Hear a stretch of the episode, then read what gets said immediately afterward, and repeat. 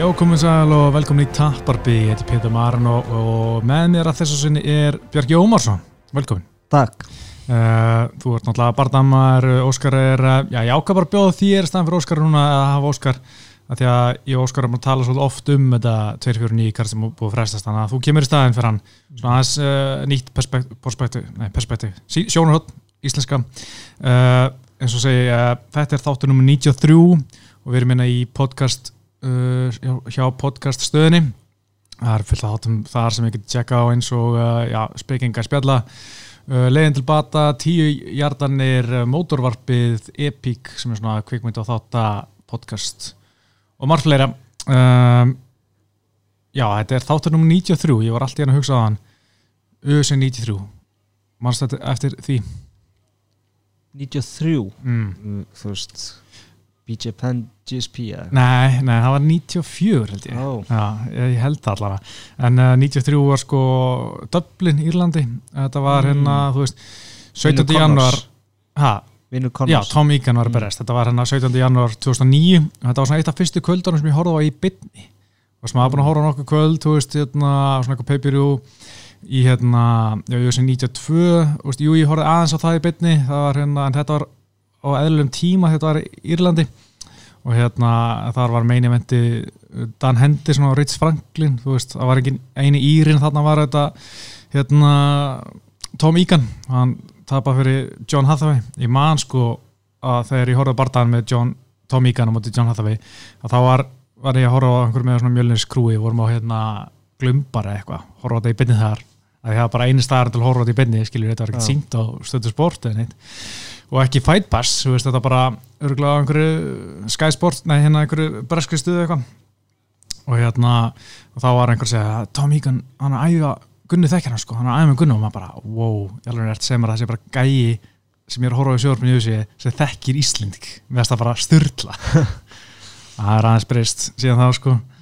Uh, en uh, já, það, mér varst líka að finna þessu kartið, það var Marcus Davis hann var ennandi Iris Hand Grenade hann var á þessu með Chris Lyrol og hann átti að vera svona smá attraction að því hann er, þú veist, frá Boston og er með svona Iris Hand Grenade, þú veist, hann er með svona áverð eitthvað svona semi-íri en þú veist, Mm. bara það var svona írskasta sem við gáttum fengið fyrir utan Tom Egan.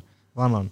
Já, split decision móti Chris Lyrol en við ætlum ekki að tala um þetta kart heldur ætlum að tala um uh, já, UFC 249 sem eru að tala um þetta og, og svona aðeins meira.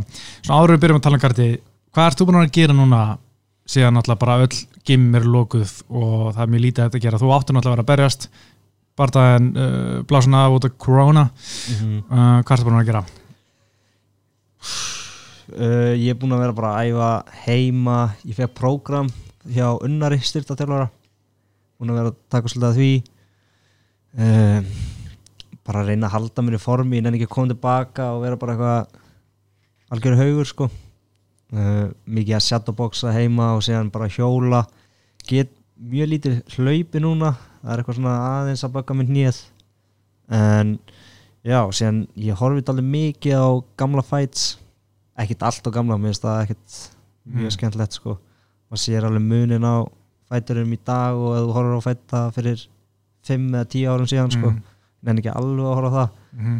en ég er bara svona að reyna að stöddi eitthvað svona og, og bara þú veist reyna að halda mér góðum í þessu rugli sko. Já. Uh, það er einmitt það sem bara menn verðist að gera og kannski ræðum betur um það eftir en uh, það sko, hvernig allir þessi gæjar sem eru að fara að berjast um helgina? Þú veist, þeir eru að æfa, þeir hljótuður allir vera að svolítið að brjóta alls konar búða bönn, svona samkombon bönn en förum við það betur eftir en svo er annað sem er svona hot topic Hafþór Július, hann er að fara í bóksparta hvernig líst þér það? Ja, þú veist, ég skilða vel ef hann er að fara að fá einhverjar millur fyrir þetta Mm. það var eitthvað seven figure contract Já. eitthvað, þannig að þú veist, af hverju ekki þú veist bara, mér finnst það alveg þú veist, ef þú veist, fólk er eitthvað hvað ruggli það, þú veist, Mm. gaur þú myndir líka að gera það veist, fyrir þennan penning Já, og þetta fær bíla aðtekli, Mhm. ég meina litli frændi minn sem, þú veist, jú, hann fylgist með að Gunni og Conor eru að berjast. En hann er ekkert að spyrja mig hérna þú veist, hvernig er, hvernig er já, Tóni Ferguson eða Khabib sko, hann er ekki Mm. einu svona þar sko. Uh, hann bara sendi strax á mig bara verðum að fara hana til Las Vegas. Verðum að fara á bardaðan bara, að, veit ekki alveg með það sko en, en hérna, hann er allan að klikka spenntið fyrir þessu, veist, þetta er auðvitað í september 2021, Mhm. langt í þetta. En þú veist, þetta er svona veist, það er þeir sem kannski hafa ekkit, er ekkit mikið að fylgjast með bara bóksið eða MMA, mm, þeir elska þetta. Mm. svona eins og þegar hérna youtubarnir hvað, Jake Paul og, Já. og einhver ég hef aldrei séð K. KSI þeir að berjast, það fekk bara mjög gott Mhm. ár, úst, pay-per-view kostaði 1 dólar eða eitthvað, það fór Mhm. að lítið. En þú veist, það gerir góð hluti. Mm þannig að kannski, úst, fólk virðist bara að elska að sjá -hmm. þekkt fólk slást, -hmm. þurfi ekki að kunna eitthvað fólk var alveg peppið á Tom Cruise, Justin Bieber sko. já, nokkulega en þetta er reyndar annað, þetta er svo tveir ógeðislega stóri gæðir að Mhm. það fólki finnst það geðvöld spennandi að sjá það. Já, þeir eru líka þeir eru svo stórir og massaðir. Mm. það verður alveg, þú veist gaman að sjá það, en þú veist ég held að þetta verði ekkert skamlu fætt sko. Ég vona bara að hafi kardio lengur en, en tvær mínútur sko. Mm -hmm. ég veit að fyrir það langt skilja ég meina eins og Marius Putsanovski en að fimmfaldur sterkast maður í heimi hann er ennþá að keppa MMA sko. Já, og hann, en ég maður þegar var, hann er örulega auðvitað bætt sér mikið en ég maður þegar hann byrjaði, hann var sko ég hef aldrei séð annað eins lit á manni eftir, veist þegar leið á bardan, hann var sko svo skrítin útgáð af einhver fjólublóm já, mér fannst þetta bara magna, hann var svo súrnjöslaus greið sko, en hann hefur búin að tónast uh, svolítið mikið niður, hann er ekki eins ógeðslega stór og var þegar hann var, veist, sterkasti maður í heimi Já. hérna, og örgulega, ég býstu að þeir gera, munu báður gera það að vera talsvægt minna en 200 kíló hann inni Mhm. í ringnum en þú veist, ég veit ekki hvort það sé fara aftur í aflurunir eftir þetta, ég veit ekki. Við þurfum að kanna þetta máli nánar, ja, nánar. Ég ætla ekki að sé reyna að tala við Hafþóra eitthvað, spyrja nú út í þetta. Já, ég menna þetta er Íslendingur að keppa á erlendum vettvangi, ég menna Mm. maður verður að gefa aðegli en þetta fær auðvitað hellingsaðegli ás það er ekki það vant eitthvað aðegli sko, en, en þetta verður bara gaman. Mm -hmm. UFC 249, það áttu þetta fyrst að vera 8. apríl Mhm. uh, það eru fullt af barðamönnum sem áttu að vera að berast á sem eru þetta á þessu nýja 249 sem er núna um helgina Mhm. Þú veist, hvernig heldur það sé að vera veist að æfa bara í þessu samkombanni, hvað heldur það sé að gera?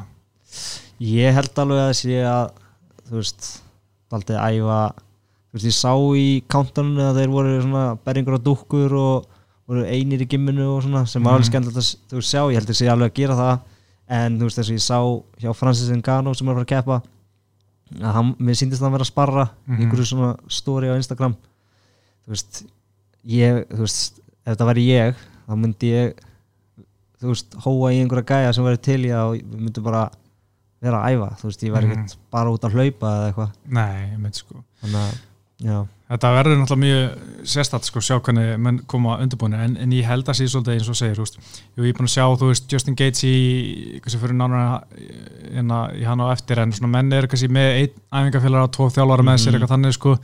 En svo held ég að einhverju sé bara með fullt að gæfum sko, þú veist, þeim er verið, bara þeir eru ekkert að hugsa um þetta samkomban er ekkert að virða þetta, ég meina þeir vilja berast þessum tímum þeir kannski er ekkert mikið að hafa mikla ráðgjör að þessum faraldri, að þeir bara gera það sem hendar þeim best Mhm. og þú veist, æfa kannski ólulega að gæsa er að brjóta okkur bönn og þú veist, er að bara hugsa um raskata sjálfur sér, Mhm. sem er kannski alveg eðlert uh, en hérna þið verða samt að passa sig sko, ég, Mhm. það verður svo leiðilegt að allt í einu núna á morgun eða eitthvað bara eitthvað, heyrðu, nei, Tony er með koronavírus ja, þá er maður bara eitthvað að, það var reynda, mjög leðilegt sko.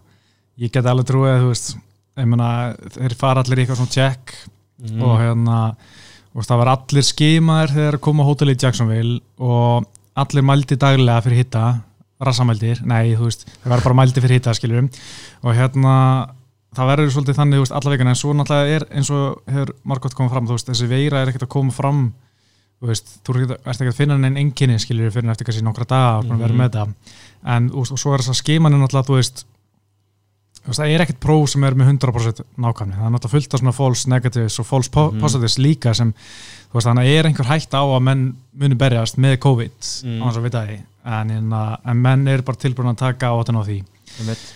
og þú veist, þetta verður þetta mjög skrítið en hérna en ég er mest spenntur að sjá sko, þetta maður er bara að sjá einhverja hvað, er, hvað þeir eru að gera til þess að æfa en hérna en svo verður svona er pínur spenntur að sjá sko eftir á hvort að menn svona viðkinn að ég var nú að gera aðeins meir en ég sagðist að gera Já. uh, eins og þú veist bara með eitthvað meðisli þú veist, menn er ekkert alltaf að segja það fyrirfram en svo eftir og það er kannski miklu ofnara með þetta eins og þú veist, Uriah Hall hann átti náttúrulega að berast á 249 síðan að fært, þegar það var ákvað að færa þetta kartið til nýta mæm þá ákvað hann bara að flytja inn í gimmið hann bara Mm. býr í gimminu Já. og það er bara lokað sko. Og er hann glýmir við aðeins og svo styrta þjálfara bara á FaceTime.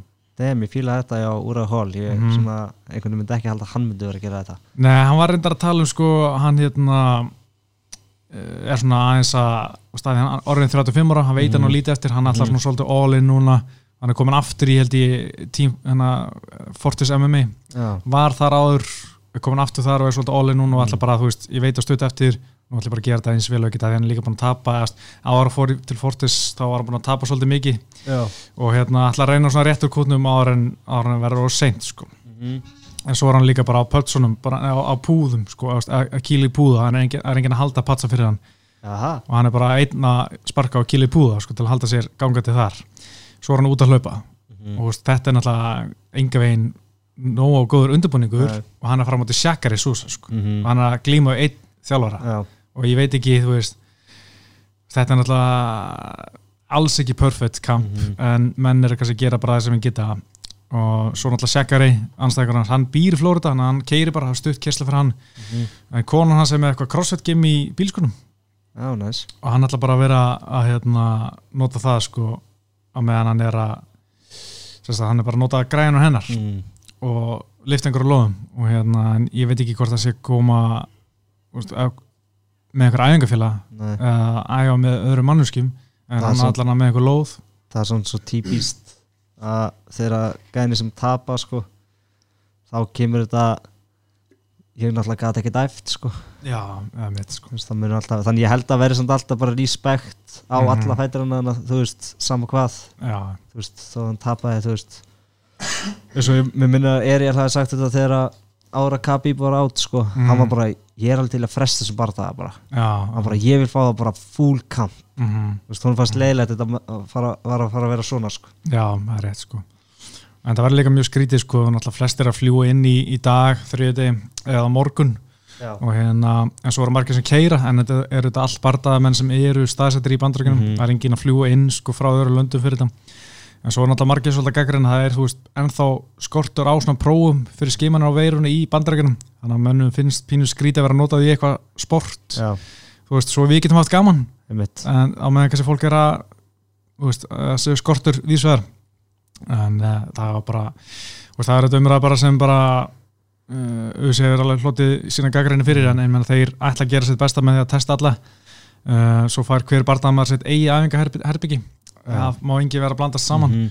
og þeir vera með dínu og, og eigin ferðaguðubað þetta er bara eins og hérna dagvættinni. Ólar hérna Pétur Jón var með hérna svona guðubað og menn vera bara að kötta þar eða, þá fara bara í, í hérna baði vantalega á hótelinu. En það verður mjög skrítið fætvík og ég hlakka Mhm. svolítið til að sjá Embedded sko, Mhm. hvernig það verður. Að það mun koma út eins og það er verður, það kemur held ég í dag sko Mhm. fyrsti þáttur ég er, samt, ég er mest spenntið fyrir þessari eigi sko. Ég hlakti þegar það kemur sko. Mm -hmm. ef að það kemur einhvern tímann. Já, að segja að það verður í júni mm. og ég er svona pínu að hugsa sko hvort að það verður svona eins og ég er búið að hætta við Kazakstan kvöldi sem átt að vera í júni, júli Mm ég býstu að þeir bardar verði farið á þessu eigi en svo náttúrulega átti Dublin að vera í lók ágúst, eða 15. ágúst. Mm. og svona allir bara nokkuð vissum að Gunni myndi vera þar en það er mjög ólíklegt að það kart verði allan í fullri mynd Mm. það sem það er- svona algjört samkomiðbann í Dublin bara samkomur yfir afsaki, hérna yfir 5.000 manns eru bannar Mm. og yfir sé þú veist, er allan með að fá nýjus manns í þessu höll eða tíðust en að með öllu staffinu á því en að ég efast um að þeir ætla að hafa tónat eitthvað niður Mm. veist, þá er þetta ekki veist, og Dublin-karti er skemmtilegt út af áhörundum sko, og ef það er bara eitthvað 5.000 manns Mhm. þú veist, það er ekki það sama sko. þannig að ég veit ekki hvort að Gunni sé fara að berjast á þessari eigi eða ekki Nei. og ef hann ger það, þá held ég að sé sko, þá held ég að ég sé ekki fara því að ég held að komist ekki með á þessa eigi nema bara, bara hotnið, þú veist, það er Mhm. engin þú veist, einhver ljósmyndari Nei. eða einhver, einhver videogæi eða neitt, sko, það er bara bardaðamarinn Mhm. og hotnið og ekki einu svona konu á böll, skilur, Mhm. ég held að veri bara alveg mjög takmarka hverju komast á þessa eigi upp á hérna og hérna að fylgja, vera hana á staðnum. Og þannig að þetta verður pínu skrítið ef, ef að verða barndar þar í sumar á einu Já, ég sko ég er að vonast til þess hann að Oliver, vinnum minn, sagði mér að við erum að fara að vera örgulega eitt fyrsta landið mm, við þessi eiga hérna, kannski til þess að losna við COVID. Mm, hvernig væri bara, jú, sí myndi bara koma hingað og þá myndi allt innu leifa MMA hér. Mm, og væri einhver íslendingar á því karti. Já, það væri nú eitthvað, það væri eitthvað. Það, djöðlar að það gaman er svolítið langsótt Það er pínu langsagt ekki að segja en hérna, ég held að, að, að aldrei vita nema að þetta gerist bara. Mm. en svo er náttúrulega bara kannski þyrfti verða þannig að allir fara bara í sótt koma eitthvað, ég veit ekki hvernig það verður mm. hvort það verður eitthvað, einhver þannig reglur en, en þetta verður mjög ávart að sjá sko, og mér kannski koma svolítið ljós og hver er bestur að æfa í svona ástandi Mm. ég held að þetta verður sko svolítið þannig að alltaf Tóni Ferguson, Já, þetta verður ekki að hafa mikil ára á hann held ég, Mm. ég held að hann, að hann æfir alltaf í svona semi einangrun en uh, svo er náttúrulega held ég þetta gagnist kannski frekar svona reynslu meiri gæðum, þú veist, menn sem eru búinu með þú veist, 10 pluss auðvitað sér bara það Mhm. ég held að það sé pínu erfitt að koma svona grætna baka eirun í svona barða og ef ég horfi yfir karta þá held ég að segja flestir hana með allan að fimm barða sko Mhm. í, í UFC og náttúrulega Greg Hardy sem er kannski svona reynslu minnstur svo, og anstakar hans Já. Jorgan Di Castro hann er, ég held að hann sem er búin með okkar að tæfla fimm barða sko þannig að það verður svona veist, þeir kannski, kannski erfast verið þá að hérna koma inn en- inn í svona með takmarka kamp á bakvið sín en svo annað sko af hverju menn svona æstri að berast Marlon Vera hann að berast núna 16. mæði sem er miðugudagskartið uh, nei, sorry, það er lögudagskartið en það er náttúrulega kart 13. mæði miðugudaginn en hérna hann æfir einn og þjálfar hann bara senda æfingar á hann sem hann gerir bara heima á sér daglega og ég meina hann segir, úst, þetta er ekki besti uh, besti undirbúningurinn en ég meina ég þarf að borga minni reikninga Já. ég bara þarf að berjast Mhm. þannig að hann er bara að gera það sem hann þarf að gera fyrir sína fjölskyldu og Mhm. það er svona, er hann að berjast Já Það er líka, ég held líka að veri þú veist, það er gaman að vera gænir á kartinu á lögadaginn, fyrstu gænir sko. þú veist, þetta er svona líka bara svona fyrsta íþrótta, íþrótta viðbörðurinn þannig séð, mm, það munur örugglega margir horfa sko. já. Og þú veist, það er gaman að vera gænir sem eru á því karti sko. mm, mm, Þannig að- tækifæri sko. Já, en svo náttúrulega segjum að einhver marlum vera kemur heim, smittar ömmu sína af Mhm. COVID og þú veist, að, eða kemur heim með COVID og smittar ömmunu sína það var ekkert sérstaklega gaman að vera UFC sko, Nei. Þú veist, ef það kemur einhver umræð um það. Það er ástæð fyrir okkur það er engi sem vil leifa þetta Já. leifa neina íþróttir, Þú veist, ekki eins og svona fyrir luktum dyrum, en svo er að Flórida þeir eru tilbúin að gera allt. Já, þeir vildu fá og segja að íþróttir sjónvarpi eins og W- að íþróttir bara viðbyrði sjónvarpi eins og WWE Mhm. sem nöðsynlega þjónust og þeir voru og WWE er búin að vera fjölbúra glíman er búin að vera með einhver kvöld í Flórida Já, það, ok já, er að fara að gera í- svona Mm. fyrir luktum dyrum sko, Mm. allt og eins og lögðan verður Mhm. og það er svona búin að vera eitthvað fréttur um að það sé náttúrulega mjög tæft Mhm. að vera að gera þetta allt því að sko það er fréttur um að ríki sé ekki að greina rétt frá dánatíni, það sé að svona aðeins að Mm. sópa undir teppi sko Já, ok og veist, vegna COVID þarsa og, veist, það, og þeir eru að opna hægt og róla hér og þar sko, eru að opna einhverja veitingastæði og það sem má sitja úti inn, með eitthvað svona bíl á milli sín Já, en fólk er samt áfram að deyja í Flórida sko, veist, Mm. það er ekkit, fólk er alveg að deyja það er ekkit bara svona lasið sko. Þetta er ekki líka svona staði sem að gaman fólk flytur til? Jó, það flytur þangað til, að- til að deyja og Mm. menna, kannski fara að bara gera það fyrr en að ætlaði með þessu COVID, ég veit ekki Mm. en, uh, en þeir, Flórida, ríkistarinn í Flórida hann vil meina að þetta sé nöðsileg þjónusta mm. íþróttir í sjónarby og til- tilbúin að leifa þetta og íþróttasambandi hann í Flórida búið að samþykja allt og, og allir allir fá grænt ljós en það verður allt svona frekar takkmarkað en við getum lítið gert í því en aðal barndagi kvöldsins Tony Ferguson, Justin Gaethje auðvitað barndagi um bráða bara beltið í, í léttuðið Mhm. sem öllum er saman um skilur Mhm. en þetta er fimmlóti bardagi og veist, þetta er eiginlega bara besti bardagi sem við getið mögulega sett saman eða svona mest aksjónpakt Mhm. bardagi sem gætir mögulega settu saman því að veist, það er ekki sens að þetta verði leiðilegu veist, eins og Engano Derek Lewis það er bara ekki fræðilegur að þessi bardagi geti endað þannig Nei, það er ekki sjans Þetta verður sko bara Þú veist, í rauninni er þetta Þú veist, þó maður verið spenntari að þetta verið Tony Khabib mm -hmm. þá er, það, þá er þetta 100% að fara að vera skemmtilegur fætt sko. já, já, bara hvernig þeir berja spáðir þú veist, Mhm. allt. Þannig að ég ég meina svo, þetta er 100% fight of the night sko. Mm það var bara, þú veist, ég er sjokkur að það myndi ekki gerast sko. Já, en þú veist, það gæti verið að vera kannski einhver betri fight en þetta verið aldrei leiðilegu fight. Nei, ná- nákvæmlega sko. Það er bara ekki séns Það er bara ekki sem ég, ég meina báðir kýla mikið og fá mörg högg í sig. Mhm. sérstaklega Justin Gaethje, ég meina Tony er að fá uh, tæplega 6 að ég- eða svona hitta 6 högg á mínútu, ég þetta svona 3,7 á meðan Justin Gaethje hann er að hitta sorry, 8,5 högg á mínútu en ég getur 9,7 hann fær fleiri högg í sig heldur en hann gefur. Já, og það er svolítið sérstætt hjá gæja sem er í topp 5 mm. í þýndaflögnum en það er náttúrulega einhver svona frávökana eins og Eddie Alvarez portaðinn og Dustin. Poirier það sem hann nátt helviti mikið högum og þetta er sko högg per Mhm. sko. hann fá tíu högg í sig á mínútu. Já, það tók líka mikið damage á móti Michael Johnson. Já, og fyrstu þrýr fætanar hans voru bara rugg, Mhm. maður var bara, já ok hann er ekki verið að vinna lengi, síðan tók hann hann þess að tvo hann hann tók uh, hvað heitir hann hann langi? Já James Wick. Hann er búin að vinna þrjárið. Já, það var bara snöggufætt Mhm. og líka múti Cowboy þannig að þú veist, það var mjög gott fyrir hans heilsu að Mhm. að ná að klára þetta svona fljótt sko. Já, hann er sko fjóru tveir í húsin alltaf kominn, vann Michael Johnson í mjög svona miklu stríði. Svo Eddie Alvarez og Dustin Poirier töpinn bæði róttök í sko þriðja fjóruðu og bæði algjört stríð. -hmm. og svo tekur hann ákvæðan hans að breyta til. Hann var að tala um að sko hann hefði veist, hætt þessu að vera svona reckless og bara til að hafa gaman. Hann ákvæða svona hugsa að taka hans minna skada og búin að rota James Wick á 90 sekundum rota sér Edson Barbosa á 2,5 mínútu og svo Cerrone á 4 mínútum. Allt í fyrstu lútinu alltaf mm.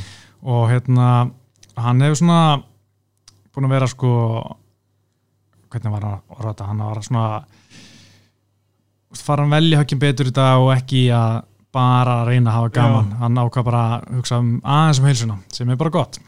Mm en ég menna hann samt en þá djúvillig skemmtilegur þó hann sé eitthvað aðeins farin að -hmm. svona skala sér Já, niður ég meina hann- hann vinnur fætana þá í fyrstu lótu Einmitt. þannig að það fór ekki alltaf að vera eitthvað boring sko. Þú veist, af því að hann hefði alveg geta, hann getur nota wrestlingi sitt sko Mhm. hann er ekki ennþá held ég tekið eina felli í þessu Nei, held ég, ekki einu sem reynd hann er sko geð sjúkur wrestling Já, sko. hann er all American sko. mm. það er sem er því sko topp 8 á landsvísu í háskóla gluminu í hans þingtaflaki sko. Mm. það er bara röggl sko. En hann er búin að ræfa í Denver í Colorado með hérna Trevor Wittmann þjálfarinn hans. Og svo er að lesa Benil Darius og Kamur Úsmann mættu til hans til Denver og fór að æga með honum bara hans að púsa hann sko, Nice. já, það er og þeir sögðu báður allan að Benil Darius sagði að Gaethje væri algjör vél það væri mjög erfitt að brjóta hann. Og ég meina samar þetta að segja um Tony Ferguson það er ekki, þú veist Tony Ferguson brotnar ekki sko. Nei. En Gaethje er líka gott fyrir hann að þetta frestast það því að þetta áttur náttúrulega að vera að koma inn með tvekja vegna fyrirvera eftir að Khabib datt út. En Já. fær fimm vikur þannig að það, það er alltaf að gera helling með það. Mm Já. Algjörlega, það er eiginlega bara þú veist, gott að ég frestu þessu aðeins meira. Og fekk Gaethje í aðeins meira tíma. Mm -hmm. hann var fyrst að taka þetta á hvað, tveggja vegna fyrirvara já, já. þannig að hann fær svona aðeins kemst örgulega aðeins betra form og svona. Mm það þarf að vera í góðu formi fyrir Tony að Tony er bara vel allan tíman Mhm. hann sér þú ert orðin þreyttur sko. hann brotnar ekki sko. og sá það bara á móti þú veist Kevin Lee veist, Kevin Lee var mánta hann í fyrstu lótu og eitthvað hann bara lendi í ömulum aðstæðum hann, hann, bara einhvern veginn ef ég kemst ekki um þetta þú veist, ég fór bara held áfram, hann mun brotna þú veist, af því ég er ekki að fara að brotna Mhm. hann er með, svona, hann er með svona, svona klikka mindset sem er skemmtilegt sko. Algjörlega og Justin Gaethje talaði líka um að hann hefði ekki tekið Khabib með þú veist, tvekja vegna fyrir það þegar hann sagði að hann vildi fá hann tekur ekki almennt short notice fight sko, en hann var tilbúin að taka þetta upp að því að þetta var titilbardæm mm. en en að hann vildi, hefði ekki sagt já við Khabib þegar hann vil fá alvöru Já. undirbúning að geta sagði, hann, vil geta resla við tíu röð ferska já, til þess að geta farið og staðið upp eða taka mig Mhm. niður ef ég ætla að fara á móti Khabib þú veist. En þannig að það er er kannski áhverð að sjá hvað gerist Mhm. mm -hmm. að hérna ef Gaethje vinnur en hérna en sko Tony eins og segir veist vorum að tala um, hann er náttúrulega vanur að æfa í einangur, hann æfir hann einhverstað í Big Bear í, í Kaliforníu bara með eitthvað kamp sem hann býr til, eins og boksarnir gera, þú veist, hann er ekki með æfingafélaga hann bara borgar gæðin fyrir að vera sparringpartnerar mm. og svo er hann með eitthvað patsagæja og jutsu-gæja sem er að glíma við hann og kenna hann eða svona uh, aðstofan og hérna wrestlingþjálfara og, og hann er að gera þetta allt öðru seldan allar aðrir og hann tala náttúrulega um í hérna hvað í kampinu fyrir nei, og blamanafötur fyrir Khabib áður en allt fór í til fjandars að hann ætla að sparra núna í fyrsta sinn síðan sko, fyrir Gleison Tíbobartan sem var sko 2015 það finnst mér pínumagna sko. Mhm. við byrjuðum sumur að hætta að sparra sko. mm -hmm. þú veist uh, Kábúsi Róni hann hætti að sparra fyrir nokkrum árum. Já, Póri er líka. Já, Poirier og líka hann Robby Lawler. Mm, já, þannig að Robby Lawler sagði bara ég kann að slást. Mhm, okkur þegar ég að vera að slást einmitt. Sko, Robby Lóren alltaf var ekta fætir Mhm.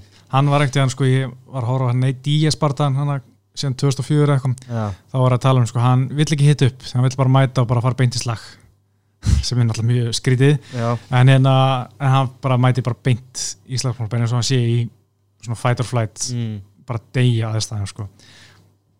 það er gengst. Ég held að, já, ég held að hann gera ekki í dag en hérna, það er mjög aðstæð eitthvað, það er Mm. pínu nett. En eins og Tony Ferguson, hann er bara einn hana í Big Bear með Mhm. sína æfingafélag þannig að þetta er svona úst, aðstæður sem hafa ekki það mikil áhrif á hann meina- þessi. Eddie Bravo var að segja þú veist, fyrir löngu áður þetta COVID-dæmi kom mm, þá var hann einn í sjö tíma á dag ofta að æfa. Já, og hann bara segja no joke, hann er Mhm. bara einn að Já. gera eitthvað bull. Mm, er bara, veist, þannig að þetta var örugglega ekkert eitthvað mjög nýtt fyrir honum sko. Nei, og þessi tala, maður hefur heyrt þetta úst, að hann er að sé að æfa bara í 6-7 tíma Mhm. streitt úst, þetta er ekki þrý tímar kvíla sig og svo aftur þrý tímar kvöldin, þetta er bara 6 klukkutumar eða 7, bara alveg streitt á þess að stoppa hann sagði líka bara þegar þú veist glímaðing er búinn og allir eru búnir þá er hann ekki búinn, þá fer Mhm. hann á púðan mm -hmm. og það er í tvo tíma. Já, eitthvað einn, það er Mhm. bara eitthvað að gera eitthvað einn. Hann er bara, þú veist, gæðir klára og hann er búinn eftir þrjá tíma. Mm það er alveg, það er magna sko. Það er svolítið magnað sko ég meina og líka kampans er eins, eins og einhver sko þú veist, ég veit ekki, einhver hipa ráðstæðna það er allir bara með reykjandi bóng og hérna Mm. skiptast á að milli þess að taka patsa sessjón, ég meina þjálfur hans er Eddie Bravo Mhm. og svo er hann með strækinn þjálfur sem er líka alveg er bara með einhver pípu með sér pípu og hérna þeir eru bara gera bara nákvæmlega sem þeir gera og þurfa ekkit marga, hann tala um hann vill ekki fá sko einhverja einhverja gæja með sér sem þannig að egons geti farið í rugl hann vil Mm. fá bara gæja sem eru svona real mm -hmm. og bara svona hjarteindir og leveleitir svo hann sé áfram hjarteindir og, já, og ekki með egoð í ruglinu sko, mm. sem er ávert sko en svo er hann alltaf að tala um það að Tony Ferguson hann var náðu víkt 18. apríl eða hennar 17. apríl daginn fyrir karti já og síðan þurfti hann bara að fara nú þannig að ná vikt aftur tveim vikum senna mm Það það er styrla það er, þú veist það sýnir alveg hvernig hausin hans er en þú veist ekkit, ef hann er að kvætta mikið þá er þetta ekki gáulegt sko. Nei, en ég veit ekki, þú veist, ég hef heyrt þú veist, hann kvætti mikið og sinni ég hef heyrt hann kvættar ekki neitt. Hann sé ekki Mhm. það þungur lætveit sko. Mm en hann lítur alveg út fyrir að vera allan að 80 kíló sko. Já, hann virkar fyrir eitthvað stór svona, Mhm. svona hár. Mm -hmm. Ég held að það sé þungt í honum pundi sko, ég man að Danny Castillo var að tala um hann var, hann fannst að vera mjög þungur þegar Mm. þeir börjust, hann var langt síðan en, en svo var, var hann að segja að hann fór úr sko einhverjum 80 kílum nýri í 70, nei hérna já, 80 kílum nýri í 71 hérna lætveit, það Já. ekki 70 það er 70 já, og hérna og á nokkru dögum og fer svo aftur, er aftur að fara að gera það núna sko mm. og hérna hann er með og hann með næringar ráðgjá og allan pakkan sko eins og væri bara að fara að berjast Mhm. fyrir þetta kött og náðu vikt og fór svo aftur að geta en það sem hann sko náttúrulega gerir ekki sem náttúrulega margir fættir að gera eftir barða er að hérna fara og fá sér allt sem við vilja þeir eru búin að svo lengi að hérna passa sig já en hann gerði það ekki núna þegar hann átti ennþá barðaði auðvitað inni mm. það er kannski þess vegna sem hann er ekki að fara svona að blása upp eftir Nei. kötti sko en það er spurning sko uh, barðansjálfur heldur þú að Gates sé að fara að skemma Khabib Tony? já, ég finn það á mér sko ég held að núna Tony Khabib gerist aldrei sko. Ef að Tony vinnur þá gerist hann einhvern tímann í haust eða eitthvað. En ég veginn, þú veist, Tony Ferguson er slegið niður í svo mörgum fætum. Mm.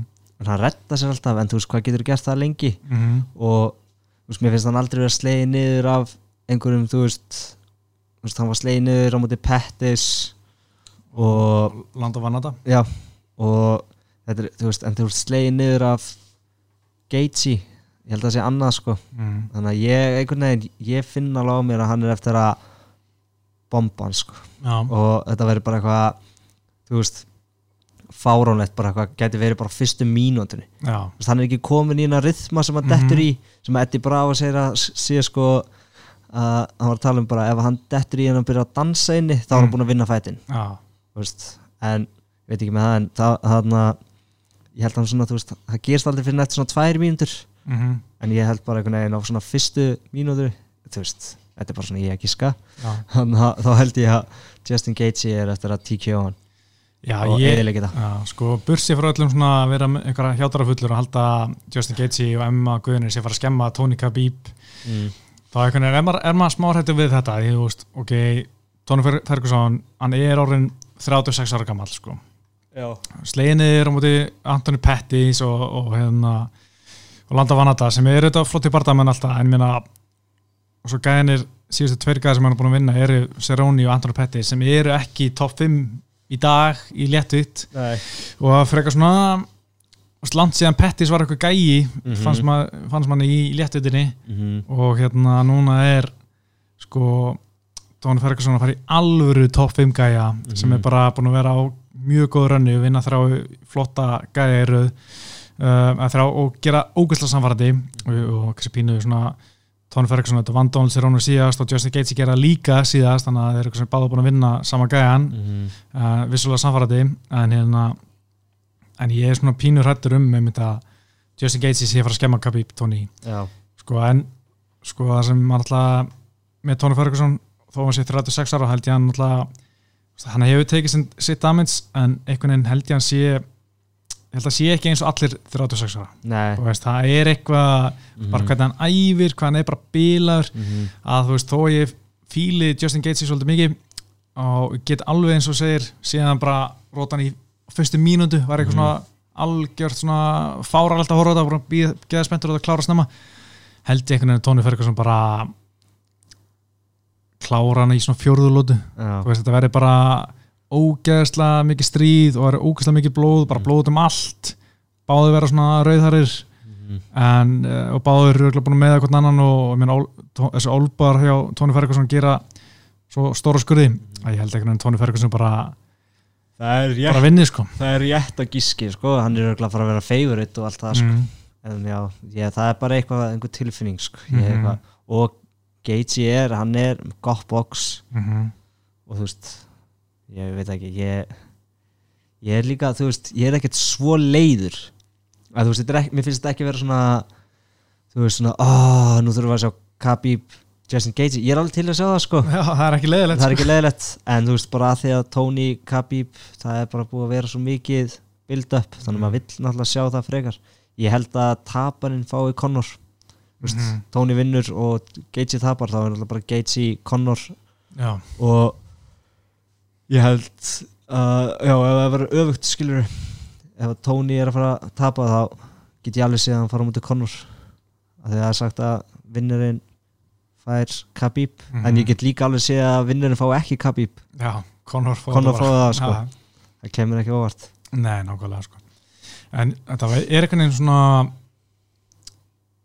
hvað gerist næst sko, auðvitað eins og segir, ég var í geðu til í Khabib, Justin Mm. Gaethje en að því að maður var að býða svo lengi eftir Tony Khabib Mhm. og segjum að þú veist, Tony Tappi vinni síðan Conor og er Tony Khabib aftur setja saman er það ekki sama, þú veist, við erum Mhm. að tala um báður á hvað, 13-12 barða sigurgöngu og þú veist, að önnur sigurgangun er búin að stoppa, er ekki alveg eins spesial, Mhm. þú veist, og maður er sérstaklega ef annar rótast, þannig bara svona, ok hann er með veikara tinn og Ja. þú veist, all, allt þetta sem kemur upp, sko en þannig ég er svona veist, ég held ekki með neinum jú, veist, mér finnst Justin Gaethje skemmtilegri típa ég fíla hann meira en báði barðanir verða svo styrlaðir mm. Mhm. allir þessi gæjar, allir þessi top fjórir á móti gröðurum, það er alltaf bara að fara að vera einhver bara brjálu visla þannig að maður getur ekkert kvarta því saman hvernig það fyrir Nei, mitt en uh, svona, já, þín spá er uh, þetta Gaethje í fyrstu lótu Já, hendur mér það. Já, KO já, sko ég segi náttúrulega Ferguson í fjórðu, TKO en svo er næsti bara sem er ekki síður áhugaverður. Henry Cejudo og Dominic Cruz. Hósi alltaf út og Dominic Cruz inn. Mér finnst það betra sko. Já, miklu betra sko en þetta er bara ef ég væri Petri Jan og Aldimur Störling var ég mjög sár. Já. En Dominic Cruz hefur alltaf verið king þannig sko. Mm. Þannig að það er alveg veist Það er skemmtilegt að fá hann aftur eftir næstu í fjör ára eða eitthvað? Já, hann bara síðast sko í desember 2016 Já. Það er helviti langt síðan sko. Það er langt síðan. En hann er mjög góður í því að vera að berjast á þryggjára fresti sko. Mhm. og það er alltaf litið bara ágætla vel út en hann segir alltaf aftur að þú veist, Sehuto var að segja að hann ætlar að sína honum að ringröst er þeng sko. Mhm. ég held að geta alveg verið að kekja núna á þessum aldri og líka hann er ekki að fara á móti Júra Feiber eða eitthvað Mhm. hann er að fara á móti Sehuto sko. Mhm. og hann er svolítið svona ég held að það sé erfitt að díla við hann sko.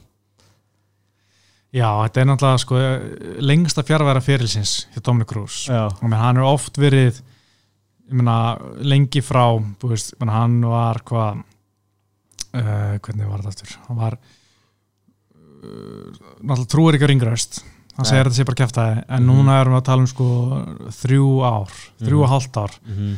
og þegar hann barist við hérna, barist við Do- Dimitris Jónsson 2011 og þá var hann frá í tvö ár og 11 mánu og 20 eitthvað daga, næstu því bara þrjú ár slett tók svo Misugaki á hana hvað einhver 40 sekundum, Mhm, mm geðveikt. rótaði hann bara leit fárlega vel út, svo var hann átt í 15 mánu, fekk titilbarða gegn Titi Dillasjó, leit mjög vel út þar og vann Titi Dillasjó sem náttúrulega mjög var, close fight samt. já, mjög close og var klikka comeback. Mm -hmm.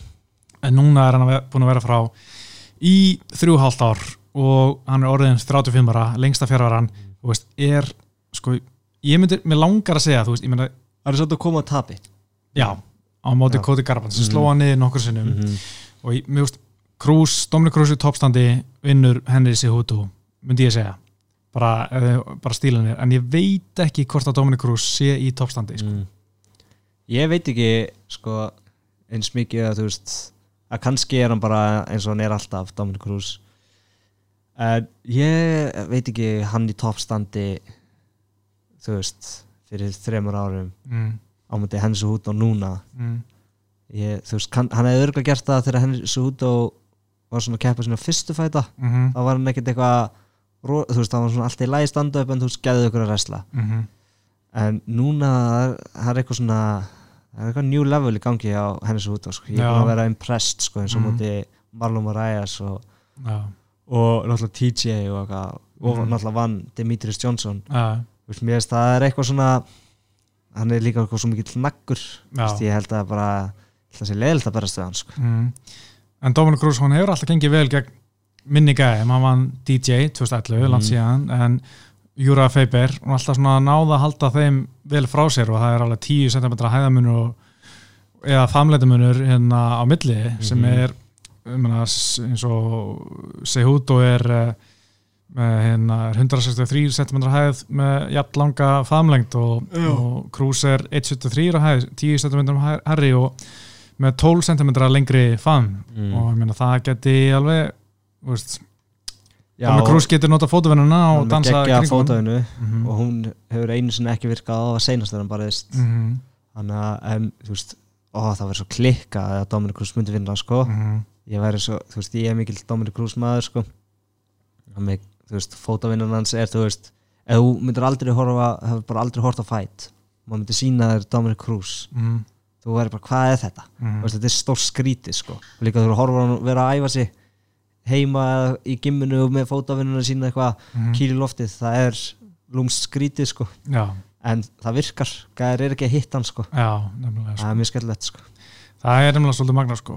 En ég menn eins og fyrir TJ bardaðan kompaki þar þá sko var hann að tala um hann tapaði nánast hver einustu lútu í kampinu fyrir þann bardaða já, ok. En svo bara rétt í lokin var hann að fara að vinna eina og tvær svo bara kom bardaðin og þá var hann bara upp fyrir besta. Já, það er svolítið magna sko. Ég Mm.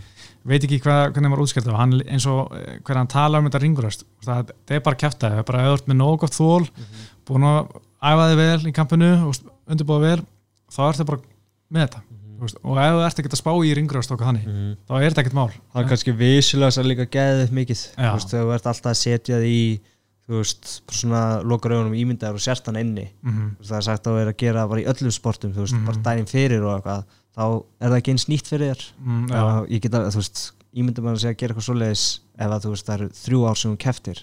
Þarftu svona aðeins að því að þú veist fá þess að svona ímyndaðir ok, ég er þann inni, bla bla bla, skilur ég, þú veist, ég myndi gera það að ég veri hann eða að vera svona langt síðan ég hef keft sko. mm þá er þetta ekki, þú veist, þá er þetta eins og þú hafi verið hann í gær eða, ef þú gerir þetta daginn undan sko. mm og hann er alltaf með magna hugarástand, mm Mhm. hugarfarsi við höfum séð það bara með þessum endurkomum það Já. er ansi margir verið bara búin að hætta og gefast upp, Mhm. eðlilega en hann hefur einhvern veginn alltaf haldið Mhm. áfram og þú veist, það sé ekki nema fjóru bardar síst átta árum, þá bara einhvern veginn gefst hann ekki upp og hann heldur áfram og hann er líka alltaf að tala um, sko, hann er, mynd- eins og segir notaði mjög mikið svona visualization og hann bara leifist þér ekki að, ef hann fær neika hugsanir bara ítir hann burt. Já. og er alltaf að reyna að vera með svona jákvætt postur veist, í staðan fyrir að vera svona liggja niður og vorkinu sér, þá Já. bara. Ákveðar hann að vera með, alltaf með jákvætt postur til þess að Mhm.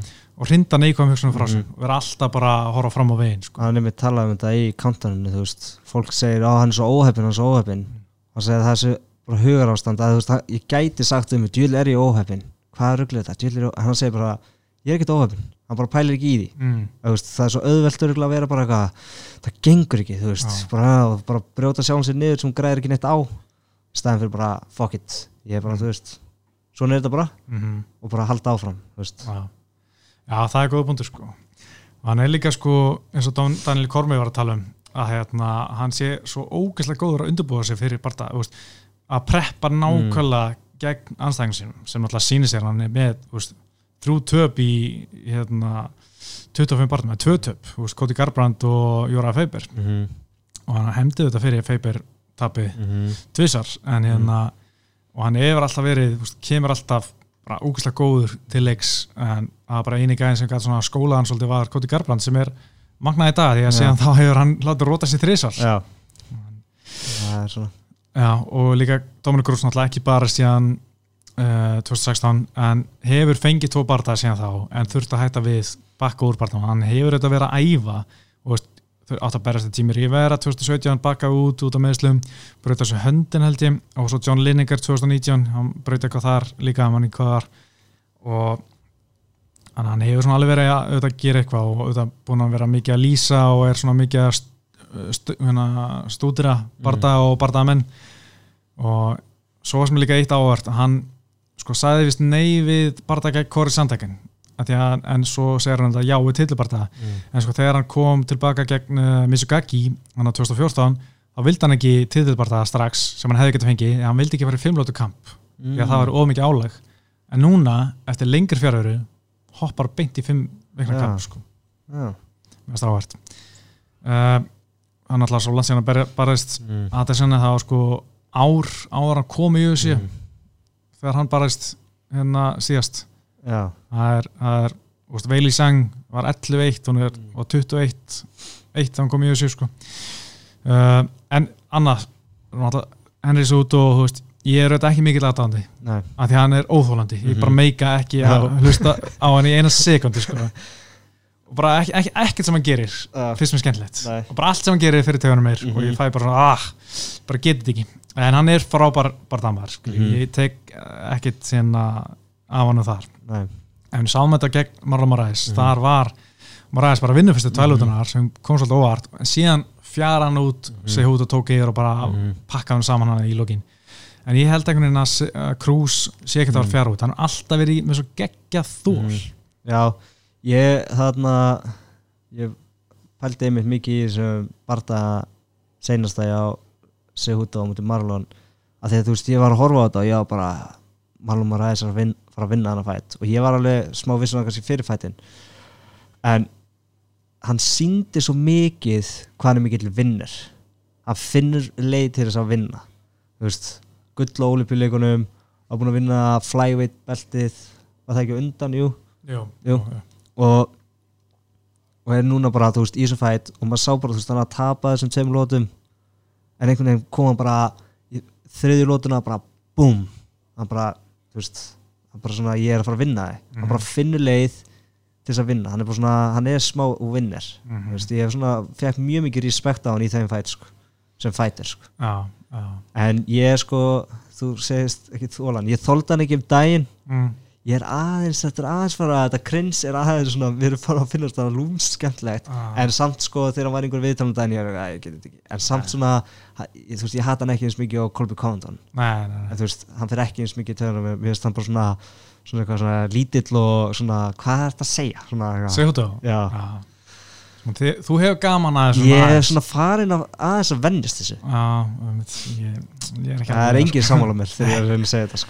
það ég að að veit ekki, horfði bara á hann að mann og 33 ára og ég bara svona sé hvað hann er svo mikið að reyna, eins og með Kolby hann er svo mikið að reyna eitthvað já, það er lúmst sko, að þetta er bara svona, ugh, eins og með það hann bara mætti með snákin hann að móti það TJ í pókanum sko. þá langaði mér bara að þeim myndu rekan sko. Já. já, bara, ég get ekki haft hennan gæði í UFC sko. Já. og þú veist, hann er með svo mörg svona augnablík sem, úst, hann er, ég veit ekki hvað hann er að reyna því að þú veist, eins og þegar hann var með á deskin hann hjá E ESPN með Deina og bara svona, hei, á á hverju gefur mér ekki Hósi Aldó, eða á hverju gefur mér ekki Barta og hérna Deina bara, við hvert, þú vilt ekki segja mér við hvernig þú vilt berjast. Hann bara, "Ah, Hósi Aldó, vilt berjast það Hósi Aldó og Deina skauta bara, Hósi Aldó var aldrei barist í banda, þetta okkur að byggja um hann? Bara, já, svona, sagði hann bara sestu niður og þegi. Mm. já, og þá fannst mér í sá svona bara svona, oh, shit, maður klúðraði þessu svona, já, svona, svona, var lítill í sér eitthvað ekki að það sé eitthvað að því en ég mér fannst það bara eitthvað svona allt við hann svona, hann var að reyna að vera sniður en var algjörlega backværa hérna kom í baki á Hann- á honum. hefur vist verið samt eiginlega alltaf svona sagði hann að Daniel Cormier að þú veist, mm, er ég alveg eitthvað í senstu viku eitthvað svona að reyna að fiska út úr honum að því hann sagðist að þekkt hann sem hann var 15 ára? Já, og hann sagði, hann sagði hann að væri alltaf svolítið awkward en hann var Mm. það þegar hann var langt yngstur hann var alltaf með awkward brandara og eitthvað svona hann var alltaf svona, hann hefur alltaf verið smá svona, en hann er svona búin að búa til svona smá karakter, svona cringe karakter sko, Ah. hann, sem er svona búin svona nýtt level, já. En hann sagði sko að ef að Dominic Cruz er að horfa á hann sem bara eitthvað cringe mm þá er lendur hann í vandræðum sko, hann sagði bara að hann er eitt mest hardworking human being bara þú veist Mm. ever, sagði hann þannig að sorry, ennska, hann að hann að hjá Ariel var bara að tala um bara, þú veist, þegar hann var að wrestla þegar hann var ungur, Mm. bara þú veist, að þessi gaur þú veist, sem er augljóst að því hann er búin að vinna, þú veist, þú, veist, þú vinnur ekki tvo titilbarta og gull og ólipíleikum og Mhm. varst ekki að gera neitt sko Nei. en það er líka sko, hann kemur úr svona mjög erfum aðstæðum ég meina hann var, mm. mammas var fátæk og, voru mörg börnin saman og úst, mörg sískinni hérna en- sér fákilsi og eitthvað Já, þú veist, allir þessu pakki og hérna, og ég í miklu vesinni, þú veist, bara fjárhagslega fjölskyldan en, en ákvað bara það, ungur að hann ætla bara að fara þessa leið að vera Mm. wrestler og gerði það mjög vel auðvitað.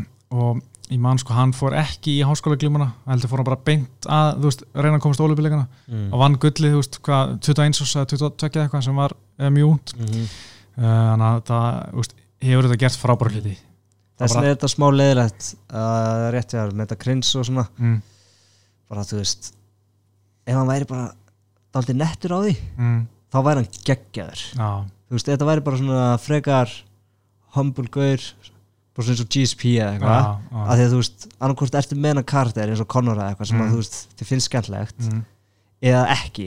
Mm, og þá bara vera bara venjulegur og þá ertu, þú veist, GSP var drullu svalur að hann var Já. bara geðveikur fætir já og þess vegna, þú veist, með þetta allt af hverju ertu ekki bara Mhm. Ég veit ekki hvort það sé að skila miklu fyrir hann upp á aðtegli eða peningakassan Nei. þessi karakter. Ég það er á mjög eitthvað með að sjá fyrir mér að fyrirtæki sé að vilja tengjast þessum karakter eitthvað og fólk sé að fílda það mikið að það vilji Þetta er veist. ekki þetta bad boy dæmi, þú veist, Floyd Mayweather mm, bjóð það fyrst til þannig að Já. þú veist, þannig að fyrir löngu þegar hann var allt í einu 50% keifti pay-per-view til þess að sjá hann tapa og Mm, 50% að þeir elskar hann, þú veist, Mm. það er einhvern veginn það er ekki einhvern veginn þannig væp í kringum Já. hann.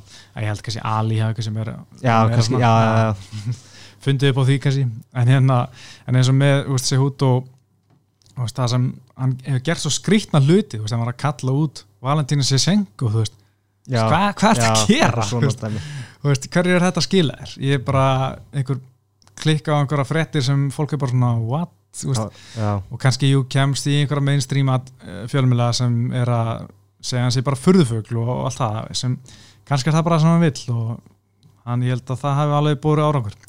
En þín spá? Úf, eftir að, þú veist, ég vasi hútó mm, en eftir að við byrjuðum að tala svona mikið um Dominic Cruz líka hvað, þú veist, hvernig hann æfir og hugafæraðans og svona þá, ég finnst þetta erfitt, veist, ég get Mm. kannski vinnur hann á stegum, sko mm -hmm, mm -hmm. en ef ég þyrft að veðja þá ætla ég að segja Sehuto bara, Já. þú veist, eins og þetta er búið að vera hjá honum núna já, sko ég hefði þurft að sjá eitt sigur, eitt barda allan á helst sigur þetta hjá Krús til að vera geta Mhm. að vala hann sko algjörlega ég með langar auðvitað að segja Krús ég hef alltaf fílað hann en mér finnst bara veist, þetta er of langt Mhm. til að fara á móti svona góðum gæði eins, og- og Sihutu var auðvitað sagði hann bara sama fyrir TJ og fyrir, Já. þú veist, já, kannski ekki Misukagi en allan fyrir TJ en ég held bara að Sihutu sé of góður og Dominic veist, ég veit ekki, hann er 35 og bandavettin og það er mikið hraða og hraðin fer eitt af fyrsta sem fer þegar eldist. Þannig ég held, og snerpan. Þannig ég held að þessi út og vinni bara eftir dómarokon, ég vel splitt sko, að hérna Krús eiginlega eftir að vinna lóturinn ég bara get ekki Mhm. séð, þú veist að ég veit ekkert hvernig Krús er í dag. Það hefur verið geggja hann hefði keft þú veist, í oktober, november á móti bara Cody aftur eða eitthvað já. svona. Og bara rústa honum. Mm, bara já, eitthvað svona. Það hefur verið geðveikt sko bara svona, á, ok, hann er hann ennþá já, það er hann Já. en maður veit það ekki núna sko. Nei, nokkulega sko en sko restina kartinni förum svona hægt og rólega við það Francis Ngannou og Jairzinho Rosenstruck þetta er barndagi sem er búið að færast til fram og tilbaka, Mhm. áttu auðvitað að vera hann nægt í mars en frestaðist og, uh, og átti sín að vera núna 18. april á hinu 249 en endar núna loksins á, á 9. mæ og ég meina að þú ert búin að sjá Ngannou vera að sparra eitthvað á Instagram já, ég sá það bara í senstu viku eða eitthvað en ég er búin að sjá mest ég er, náttúrulega- ég er að followa hann sko á Instagram þannig ég sé eitthvað á hann sko, þar sem hann postar allan þá fannst mér allan að hann bara vera að gera fyrir þú veist mánuði síðan og eitthvað svona þú veist þegar þetta var allt eitthvað óljóst mm -hmm. þá var hann alltaf bara að gera eitthvað svona típist home workout, Já. alltaf svona út í garði arbeður og burpees og eitthvað svona mm. Er að gera eitthvað svoleiðis að reyna að halda sér í formi en ég er búin að vera að sjá eitthvað svona núna á pötsum og, og e, það var allan eitthvað svona lítir klippa eins og var að sparra. Þannig að það geti alveg þú veist vera að koma í geggjuð formið hann inn sko. Mm og það er einmitt svona með þess að þunga tenka það er svo lítið til sko að mér finnst að pínu erfitt alltaf að erfiðast að tippa í þunga og maður er ennþá ekki alveg samfara um Rosenstrúkan sé eitthvað top 5 gæi. En ég held ekki en einn gannu sko ef hann er veist, í góðu standi að þá held ég að hann geti munið vinna þetta bara. En ég held að þetta veri skemmtilegt og að þetta veri rótökk í fyrstu. En gaf nú bara senast við Kane? Nei, hún er þetta Santos. Yeah. hann tók hann í síðasta sumar. Búin að vinna núna þrjá eruð Curtis Blades, Kane og, og hún er Dos Santos. Já. En uh, náttúrulega Rosenstrúk búin að vinna alla fjóra í UFC nýlega ársins, kom inn í UFC náttúrulega bara í fyrra. Mm. og hann er, þú veist kom, er að koma tilbaka eftir sigurinn gegn óverum í desember Já, fyrra, það voru fjóru sökundur eftir en hann var að tapa þeim barða já, óverum var, er tæknilega betri barðamaður en, en uh, svona hakan sveikan í lokin hann mm. hefur gæst aður Já, ég meina að Rosenstrúk er líka ekki með mikla reynslu, þetta er tíu bardaðar, fjóru í þessu, allt rótök og ég meina óvurinn bardaðan hjálpaði hann mörgulega mikið þegar fimm lótur, mm. fór nánast alla lótunar en þetta er ekki mikil reynslan á bakvið. ah, ég vonandi að vera rótök Já, þetta verður gaman, ég vona að þetta verður ekki eins og Lewis Já. Engano, þú veist, það er en náttúrulega Engano var þá sko með eitthvað PTSD eftir hann að stýpi hann Já. vona að sé betri PTSD betra standið núna. Hann var svo hrættur við að vera þreyttur. Já, það er, skelvitt, ég tengi smá við það sko, stundum er maður eitthvað stressaði fyrir að fara að maður svona, það er bara peysar og gera allt svona rólega. Já, já. fara svona, að ég vil ekki sprengja Já. mig. Já, ég vil ekki sprengja mig strax og, og svo allt í henni bara lítið eftir og maður án og eftir. En uh, já, ég segi Engano bara til, á að taka þetta. Samanlá Já, ég vona það, mér er skaman að hafa hann þannig í topp svona 5, Já. 3 svona hann er Hann svona er- fínum. Já, hann er skerið út sko. Já. svo er einn lúmsku bardagi sem ég er mjög gamla er, uh, en að er mjög spenntið fyrir Calvin Kattar og Jeremy Stevens. Mm, Já, leikur uh, Kattar eins að músni ég veit það ekki, en uh, ég er sko, Jeremy Stevens er búin að vera í vesinni. Náttúrulega fjóri bardarröð innan Gessalba sem hann er ekki unnið en það var þetta hann á einu milli að iPoki gegn uh, Já Rodríguez. Já, ég var búin að glemma því. En síðast tapaði hann fyrir Rodríguez náttúrulega í oktobri fyrra. Hvernig fór það aftur? uh, decision. Já, sigur hjá Rodríguez að frábæða Það já. Og ég held að Rodríguez að vinna fyrstu tvær uh, og svo var Stevens að koma alltaf baki í þriði en var besti bardagi kvöldsins, frábæða bardagi og það er að tapa hann fyrir Sabít og það er að Hosei Aldo. Hann, er, hann er ekki búin að vinna síðan í februar 2018 uh, orðið er náttúrulega 33 ára gamall hann á, Mm. ekkert svo gamall, ég held að hann verið svona 36 búin að vera svo lengi í þessum kallinn, hann er búin að vera búin með einhverja sko 46 bardaga er helviti mikið fyrir 33 ára gamlan gæja. En mér finnst Callum Katar, ég hef alltaf verið mjög impressed af honum, allan síni sá hann hann á móti Shane Burgos uh, fyrir tveimur árum. Að hérna, þetta er gæji sem sko, virkar klár og svona skarpustrákur uh, berst klár, að berst svona skynsela og þetta komið tilbaka til tap gegn Sabit en það var bardað sem hann mér fannst hann hefði unnið að það eru fimmlótur það átt, var aðal bardaðan hann í, november já. á, í Rúslandi uh, ég man ekki hvort það var Dos Santos og Volko sem átt að vera meini eventi eða eitthvað, Dos Santos fekk síkingu og Sabit og Katar áttu upp að vera þrjálótur og enda að vera meini eventi en samt bara þrjálótur og Katar var að svona með mikla yfirbyrð í þriðjulótunni en uh, það skiptir ekki máli en, en mér fannst hann vera mjög flottur þar gegn Sabit, þú veist, Sabit var alls ekki að leika sér hann, hann var betri fyrstu tvælótunar en ég spenntur að sjá hvað Katar gerir núna gegn Stevens og, og hérna hann er búin að vera að æfa vel og lengi. En þetta í pínu vesinni því að hann er alltaf verið svolítið mikið að ferðast í Boston.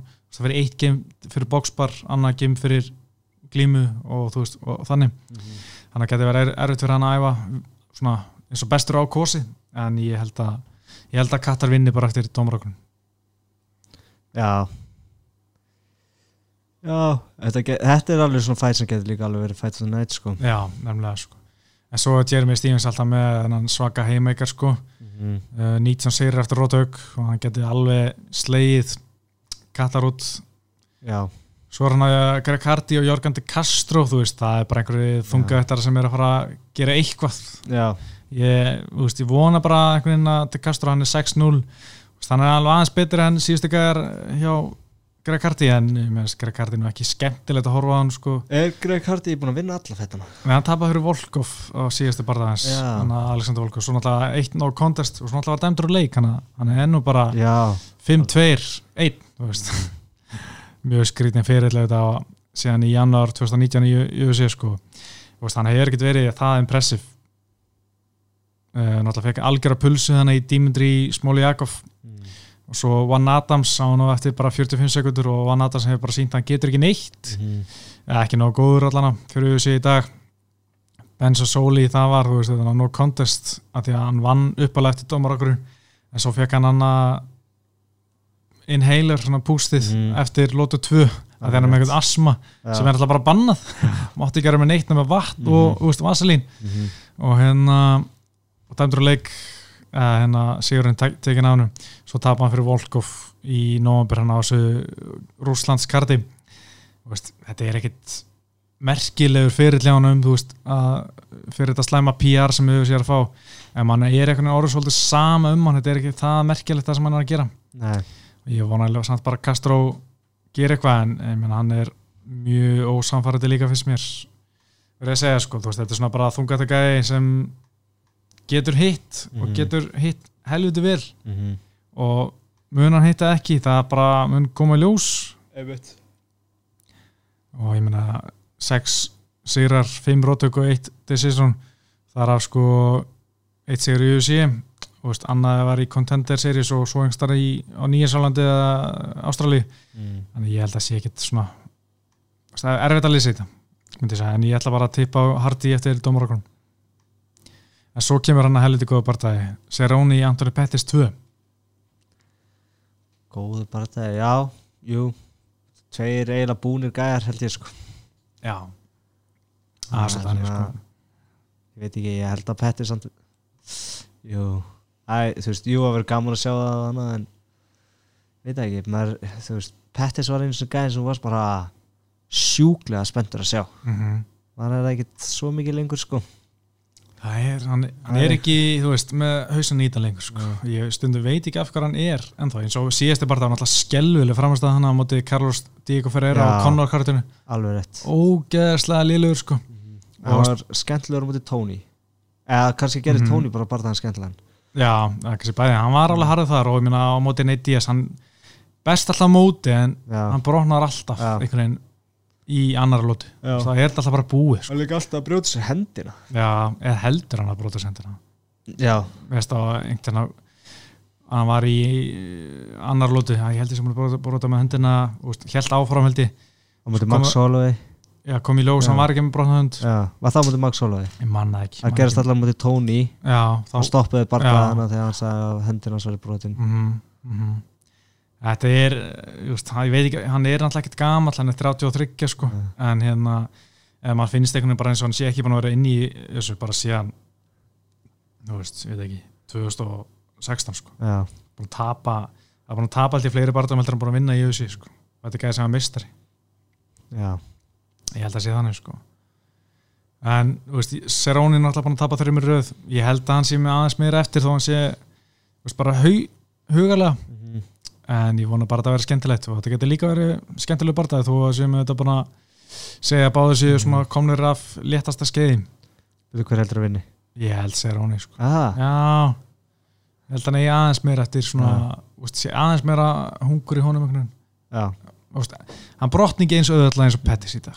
Það mun gera hann að allt betra fyrir Conor ef að Cerrone vinni vinnur, ef, hann, hann fer hann inn í að barta og fær eitt sparkis eitthvað svona uh, og legg sig hann niður þá er svona, já, já, sko. sem náttúrulega gerist á móti, móti Pettis í fyrsta fætt mm þá fekk hann gott body kick sko.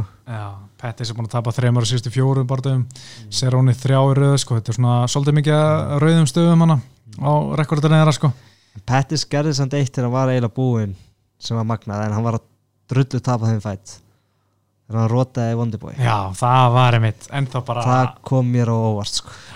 var ennþá það er ennþá eitt ég sé held ég mm -hmm. það var skítapa, Mhm. tíu sekundur eftir að lótinni, hann tekur eitthvað Superman punch af búrinu Mhm. og Stíðin Tómsson bara, whoops sá þetta ekki, já, það fannst mér svolítið, það var Já. Wonderboy sko já, grei kallið maður, en það er eitt besta vídeo á netinu í dag er vídeo á honum að sjá þetta í fyrsta síðan á, á spítalanum hann er svo geggjaður. Þetta er besti karakter í MMA mm það er svo, einlagur gæi, er svo einlegt skemmtilegur Já. og góður gæi veginn. Og hann er líka bara að kenna börnum karate og eitthvað. Og stundum svona eins og mann hérna, svona einhverja spurt mér bara, veist, er þetta ekki svona gæi sem, þú veist maður heldur að sé alltaf reynu og óslega góður svo er hann með einhverja beinagrindur í skápnum hjá sér skilur einhver algjör dús eða þú veist, ég veit ekki, berja konun sína eða eitthvað, en bara veist, neða, ég held að sé bara í alveg ógeðslega nettu gæi, sko, bara ógeðslega næs. Já, Matt, wrestling þjálfur hefur líka sagt það sko. Hann sé bara geðveikt næs sko. Mm, þess að vill hann ekki að Gunni og þeir berist sko. Já, hann elskar Gunni og hann elskar Wonderboy já. Það var erfitt sko fyrir hann. Mhm. en við veitum svo hvernig það myndi fara ég. Nei, ég veit það ekki. Hvernig? Nei, ég bara, ég bara maður hvað Matt var að segja ef þetta fyrir í gólfið sko. Sem er ekkert víst að það gerst uh, já Gunni myndir húst Já, svo kemur einn mjög furðuleg barða ég held að vera eitt furðulegast í barða kartinu er Alexei Óleining og Fabricio Verdum. Já, hvar er Verndum búin að vera aftur? Hann var í Júsata banni já, alveg rétt. Mm -hmm. þetta eiginlega fyrir hans. Bara leið og það kom sko. Já, hann Vel. náttúrulega tapað fyrir Volkov hann Mm. í mars 2018, það er síðusti barndagins svo náttúrulega kom Júsata dæmið og hérna búin að vera í Júsata landi bara síðan þá Greiði kallinn, ég hef orkinu satt ekki neitt. Ekki heldur. Ég held að hann sé algjör dús. Ég held að hann sé Já. ekki næs næs gæði sko, veit ekki hvað er. Það er eitthvað við hann sem bara svona það er eitthvað off sko. og Linnik er náttúrulega svo ótrúlega furðulegur glímukall. Hann er með alltaf einhver 46 sigur eftir submission Mm. og þar af hvað 11 eða 13 eftir þetta síkiltjók. Ef hann er því á Fabrício-verðum þá sko ég veit ekki, það væri bara ótrúlega sé mm -hmm. ef ATC sem meistari Fabrício-verðum lendir í þessu síkiltjóki það er ekki sens sko. það væri eitt ótrúlega stað sem ég sé það væri ótrúlega heldur en þetta showtime Nei, hérna Pettis Wond- Wonderboy Rodek sko. ég myndi aldrei kaupa það sko. uh, já svo svona þetta fullt af fínu barndum ég held að verðum takið þetta sko. Já, svo er hann að kalla Sparsa og Missile Waterson Já. karate hot í já, er ekki Missile Waterson bara að taka þetta? Jú. Svo er Júrai Hall og Ronaldo Shakari Sousa. Mm. þú veist, þetta finnst mér líka áhvert ég meina Shakari eh, alveg góðu standardi en ég meina Júra Hall tæknilega betri. Shakari Akkur fyrst miklu mér eins og þeirra barst áður. Já, Eða Geigar Musasi já. sem að þeir berist um tvisar Já, mm svo náttúrulega Shakari miklu betri í gólfinu en Júra Hall alveg, þú veist getur alveg eitthvað, Mhm. þú veist, hvor hvort er það betra fyrir Hall eða Shakari að vera ekki með neina æðingafélag hvor gagnast betur að því Ú uh, Ég held að Júra Hall Þetta sé betra fyrir hann mm. að þú veist, Jackar er svo gæður Nei, þú veist, kannski er Jackar ekki eins mikið að glíma á hann gerði sko. Mm -hmm. Hann er örugglega ekki gæði sem að þarf endilega að vera að glíma sko. Þannig að veist, hann er örugglega bara gæðið mikið að orka strækingin sitt sem maður hefur alveg séð mun á sko. mm -hmm. þannig að, wow, ég veit það ekki að því að kannski meira úr að hól þú veist, teitandi fenns upp í búrið glíma upp í búrið já, og þarf það sko já að hann verður að halda sér standardi sko. Já, svona tímasettingin í honum standardi, þú veist hún er náttúrulega betri ef enginn Mm. æfir, Mhm. heldur en ef Shakari en þú veist er hann það, nær hann vera það sjarp með því að vera ekki spara neitt sem við gefum okkur hans ekki gera með það sem hann er að segja? Hann, uh, Jóra Hall þú veist, nær hann vera það sjarp standardi gegn uh, Shakari að, hérna, hann rótan eða nær hann að vera með það góð vörð Já, með því að æfa með einu glímuþjólar alltaf að verjast gegn Shakari mér finnst, ég á erð með sjá það sko. Já, en mér finnst líka mjög líklegt að Jóra Hall kýli Shakari niður sko. Já, kýli gamlan Shakari sko finnst mjög erð að spá í þennan bara, bara átta COVID sko, ef það væri ekkert COVID og allar það eðla, myndi ég alltaf segja Shakari, þó hann segja orðan færtur mm, en, en mér þetta eitthvað eitthvað með bara, að ég er búin að lesa svo mikið hvernig þeir tveir að æfa, ég veit ekkert Já. hvernig aðrir að æfa já. að hérna, að mér finnst erfiðast að lesa svolítið í þennan bara sko. Mhm. Já, ég samt get alveg að sé Jackari slá hann niður sko. já, já, að veist, að ég veit ekki Mér finnst að er búin að vera eitthvað svo ekkert svo sannferðandi en þegar hann er on mm þegar, þú veist, þá er hann með bara flottustu KOs, þú veist, þegar já. hann spinni backkickar Geikar Musashi í andliti og flæði nýjar hann. Það var rosalegt og hann að Ultimate Fighter dæmið og eitthvað, veist, hann er drullu talented, gaur. Mhm. en bara svona það er eitthvað veit ekki, svona hann bara annarkvört hann er smá svona Cerrone mætir Já. hann eða ekki, já, ég veit ekki. Mhm, já. hann er 35 núna og er búin að vinna þrjá að síðustu fjórum. Ég meina hann var í vesinni hann tapað þreymur röð auðvitað gegn Robert Whittaker, Derek Bronson og Gekard Musashi, alveg góðu gæjar. Vann hann að Chris Jotko og það var algjört comeback, ég meina hann var að skítapa þeim barða uh, svo tapar hann fyrir Paul Costa það var flott, flottu barðaði en svo vann hann hann Bevin Lewis róta hann sem var, Bevin Lewis kom inn held ég bara með skömmu fyrir ára en svo núna tók hann síðast Antonio Carlos Jr. eftir Spiti Season bara í septemberi fyrir á hérna Cowboy Gates í kartinu og úst, þá er hann, hann er svona eins og ég var að segja hann er svona aðeins að koma tilbaka í sitt gamla eða sem var áður og var bara að núna aldrei og ég held að hann sé mér svolítið gott hugur ástand fyrir hann að bara það að hann sé svona svolítið all in bara Fíla. og spurning hvort að hann nái að hvað sem að channela það í framhustu í búrunu, ég held að það sé svolítið annað mál sko, já, en þetta kemur í ljós. Ég ætla að segja bara ég ætla að segja Júra Hall, rótan bara í fyrstu lúti ég líka. Eh, ekki fyrstu, já, ég, ég held að ég held að Júra Hall vinni á stigum. Já, svo var hann að síðast að fyrstu þrý barndana alltaf vísandi Lúka gegn Nico Price, nummið tvö það var hella bardagi, uh, ég held að Lúka sé bara betri, uh, Bryce Mitchell Charles Rosa, það verður hella bardagi líka. Uh, svo Ryan Spann sam alveg það verður umuleg bardagi en hérna allir það er verið góður Já. ég er samfærum það. Þetta er klikka kart. Þetta er geggja kart og ég hérna bara hlaka til að fara að setjast niður og horfa auðvitað sé aftur Ah. bara. Guð, minn góður, ég get ekki beðið sko. Horfa íþróttir í bytni sko. það verður svolítið magna sko. ég meina við erum að tala um að, að kartið er að byrja má ég sjá náttúrulega ekki ennþá komið á stöðu sport bara notabenni Já, en uh, ég býst við að það var ekki þessu ári. En fyrsti bí, byrja 10.30 prelims. Já, fyrsti, fyrsti fætt þá megin kart byrja 2 það Mm. er ekki eins slæmt eins og síðast við vorum að horfa á peipiru og klukkan 3 og komin Ah. heim klukkan 7 Og meini vendu var Israel Adesanya og Jón Romero það var eitt erfiðasta Þurfti ekki að horfa á þann fætt sko. Live. Eitt erfiðasta kart sem ég horta í Mhm. byrni af því að þú veist ég var með hana einhver orkudrykki og eitthvað snakkt að lata mig vakandi ég bara var, það var svo erfitt sko. mm.